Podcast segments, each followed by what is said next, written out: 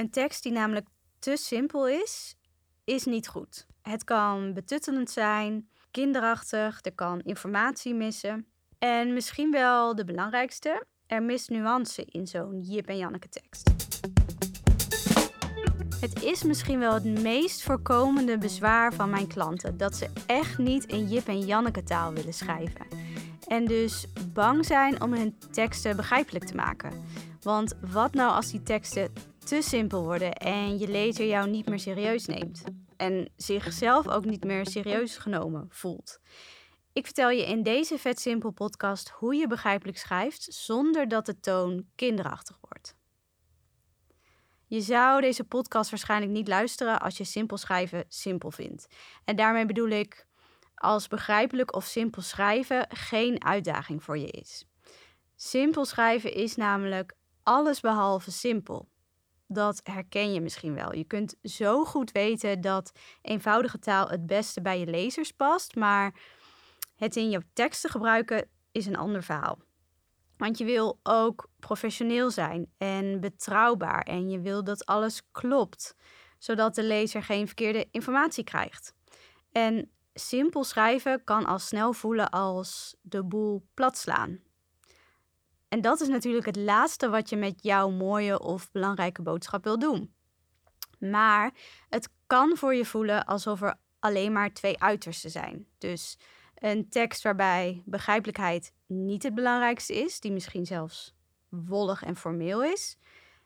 En een tekst die zo simpel is geschreven dat je een Jip en Janneke effect krijgt.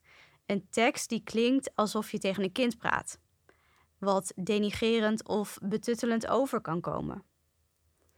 Versimpelen voelt voor jou als van die ene kant naar die andere kant gaan van formeel en zakelijk naar te simpel en daardoor niet passend bij jouw doelgroep. Nou, je kunt natuurlijk al wel invullen dat ik nu ga zeggen dat er een middenweg is daartussen. En dat begrijpelijkheid niet hoeft te betekenen dat jij zo schrijft dat je lezer zich niet serieus genomen voelt. Om te laten zien op welke manier ik dat Jip en Janneke bezwaar tegenkom bij mijn klanten, uh, geef ik je een voorbeeld. Een tijdje terug gaf ik namelijk een training over begrijpelijke taal aan medewerkers van een gemeente. En dat was allemaal leuk en aardig, maar een van die deelnemers die zat al een tijdje te mokken. En na een tijdje uh, vertelde hij wat er was. En hij zei, ik ga echt geen teksten schrijven in Jip en taal. Dat doe ik gewoon niet. En we hadden het nog niet over Jip en taal gehad. Maar hij kwam daar zelf mee. En meteen begonnen er een paar van zijn collega's te knikken. Ehm, en even zodat je begrijpt wat voor mensen dit waren. Deze mensen waren uh, knappe koppen. Ze wisten veel over juridische zaken in dit geval. En ze konden goed schrijven. En ze schreven brieven naar inwoners en daarin klopt alles. Er zat geen enkele fout in. Ze konden goed opschrijven welke regels en wetten de gemeente gebruikte of op welke vergunningen de lezer van een brief recht had volgens een bepaalde wet. Die teksten waren meesterwerkjes op zich. En ik begreep ook meteen waarom deze meneer zo bang was voor Jip en Janneke taal. Want juist als alles moet kloppen, omdat je te maken hebt met officiële zaken zoals wetten, is het spannend om het anders te doen. Om het taalgebruik om te gooien om het simpeler te maken, veel simpeler. Want dan ligt een kinderachtige toon op de loer. Net als andere risico's van simpele taal die op de loer liggen. Een simpele tekst met dezelfde kwaliteit als een tussen haakjes normale tekst, dat is onmogelijk, vond deze meneer. En dat vinden wel meer communicatieprofessionals. Maar dat is dus niet waar. Het gaat allemaal om angst of weerstanden of bezwaren. Het maakt mij niet zoveel uit hoe je het noemt. Redenen om iets in ieder geval niet te doen of niet te durven. En ik snap die angst. Die angst voor Jip en Janneke taal.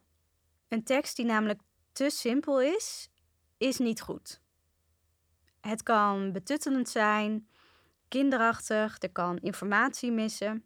En misschien wel de belangrijkste, er mist nuance in zo'n Jip en Janneke tekst.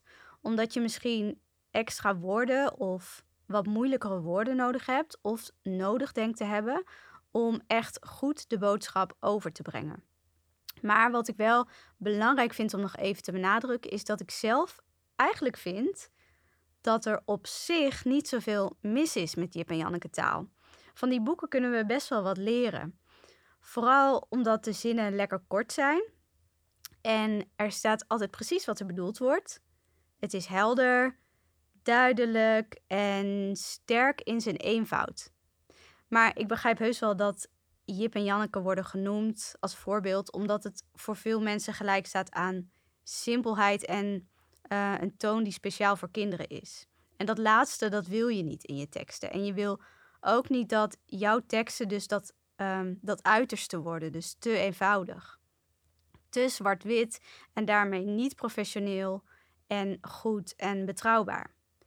Jij schrijft voor volwassenen en niet voor kinderen. Daar ligt ook een belangrijk verschil. Een simpele tekst voor volwassenen is absoluut niet hetzelfde als een tekst voor kinderen. Dus het is ook belangrijk om te waken voor Jip en Janneke taal.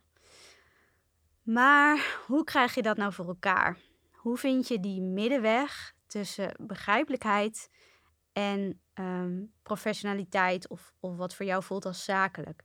Want er zijn dus niet twee uitersten. Het is niet of formeel en dus professioneel, of veel te simpel en dus totaal niet geschikt voor jouw volwassen doelgroep. Begrijpelijkheid kan zeker samengaan met professionaliteit, een serieuze toon en betrouwbare communicatie. En je hoeft dus niet door te slaan naar te simpel. En begrijpelijk schrijven zonder dat het op een Jip en Janneke boek lijkt, dat doe je door altijd te schrijven alsof je tegen een volwassene praat. En je schrijft ook voor volwassenen. Dat zijn de mensen die in jouw brede publiek zitten, de mensen waar jij je op richt. En volwassenen hebben een andere belevingswereld. Ze hebben een andere kijk op dingen dan dat kinderen hebben. En ze hebben een ander leven. Dus ze maken andere dingen mee. En daarom gebruik je andere taal.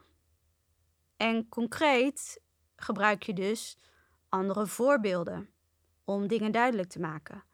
Je gebruikt andere woorden, een totaal andere um, vocabulaire en een andere toon. Echt in alles is het anders.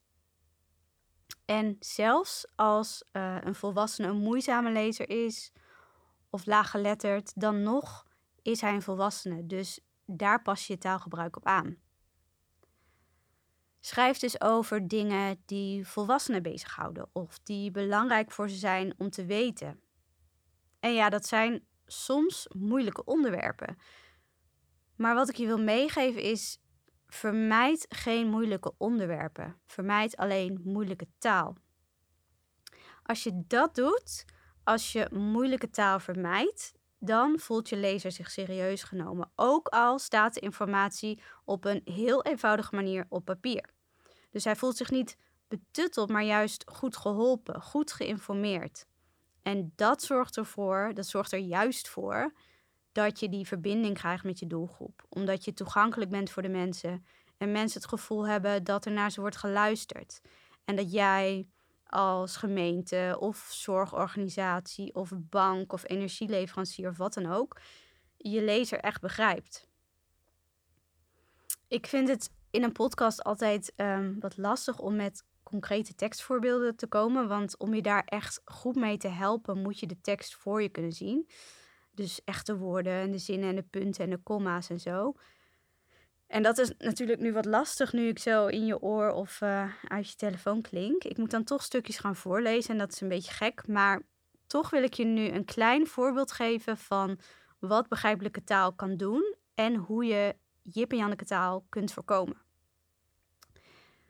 Oké, ons beginpunt is een wat formele tekst. Een tekst die niet begrijpelijk is voor een breed publiek. Uh, het gaat over hondenbelasting. Je kunt je voorstellen dat die op de website van een gemeente staat, bijvoorbeeld. Nou, hier komt hij. Hondenbelasting is een belasting ter zake van het houden van een hond die in Nederland geheven kan worden door de gemeente. De belasting wordt geheven van de houder van een hond en naar het aantal honden dat wordt gehouden. De opbrengst vloeit naar de algemene middelen en hoeft door de gemeente dus niet te worden gebruikt voor het bestrijden of opruimen van hondenpoep.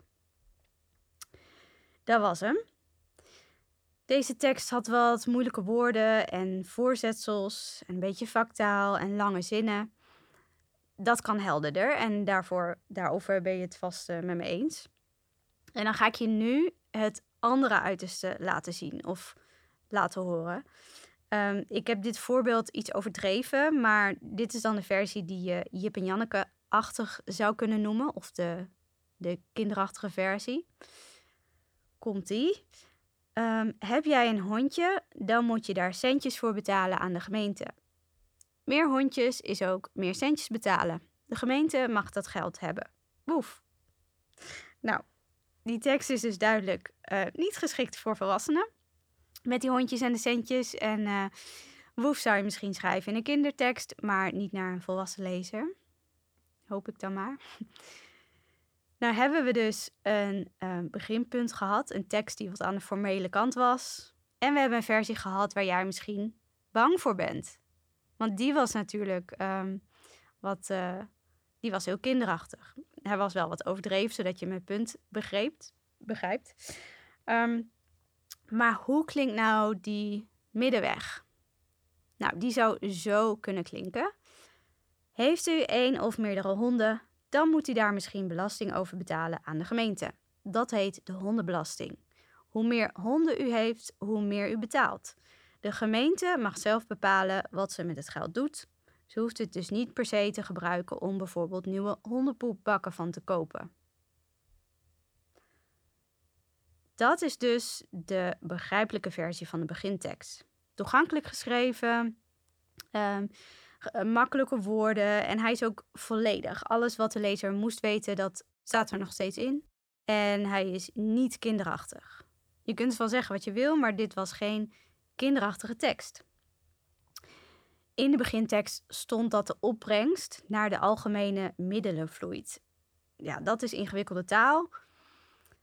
Um, maar de gemeente mag het zelf hebben, wat in de kinderachtige versie daarvan was gemaakt. Dat is ook wat uh, platgeslagen. Dat klinkt net weer wat te.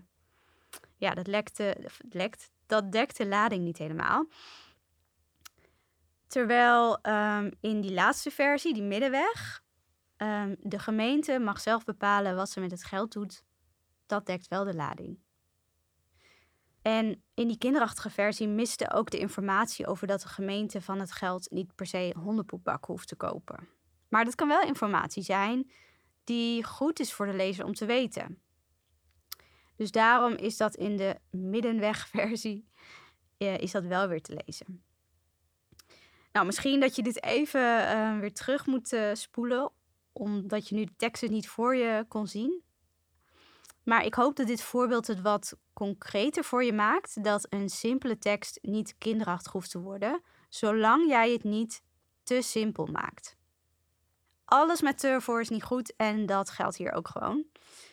Als ik het kort voor je zou samenvatten, dan is dus voor jou het belangrijkste om te onthouden: vermijd geen moeilijke onderwerpen, vermijd alleen moeilijke taal.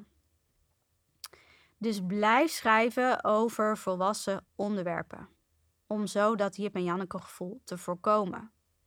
Gebruik daarbij woorden die jouw doelgroep gebruikt, die jouw volwassen lezer gebruikt en kent. Gebruik ook een volwassen toon en gebruik voorbeelden uit het leven van een volwassene. En um, uit de belevingswereld van zo iemand.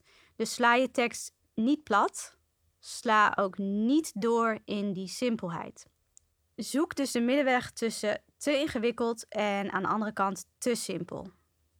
En je zult zien dat je ergens in het midden uitkomt op een professionele, simpele, toegankelijke tekst. En daarmee maak je die verbinding met je lezer, die jouw doelgroep zo hard nodig heeft.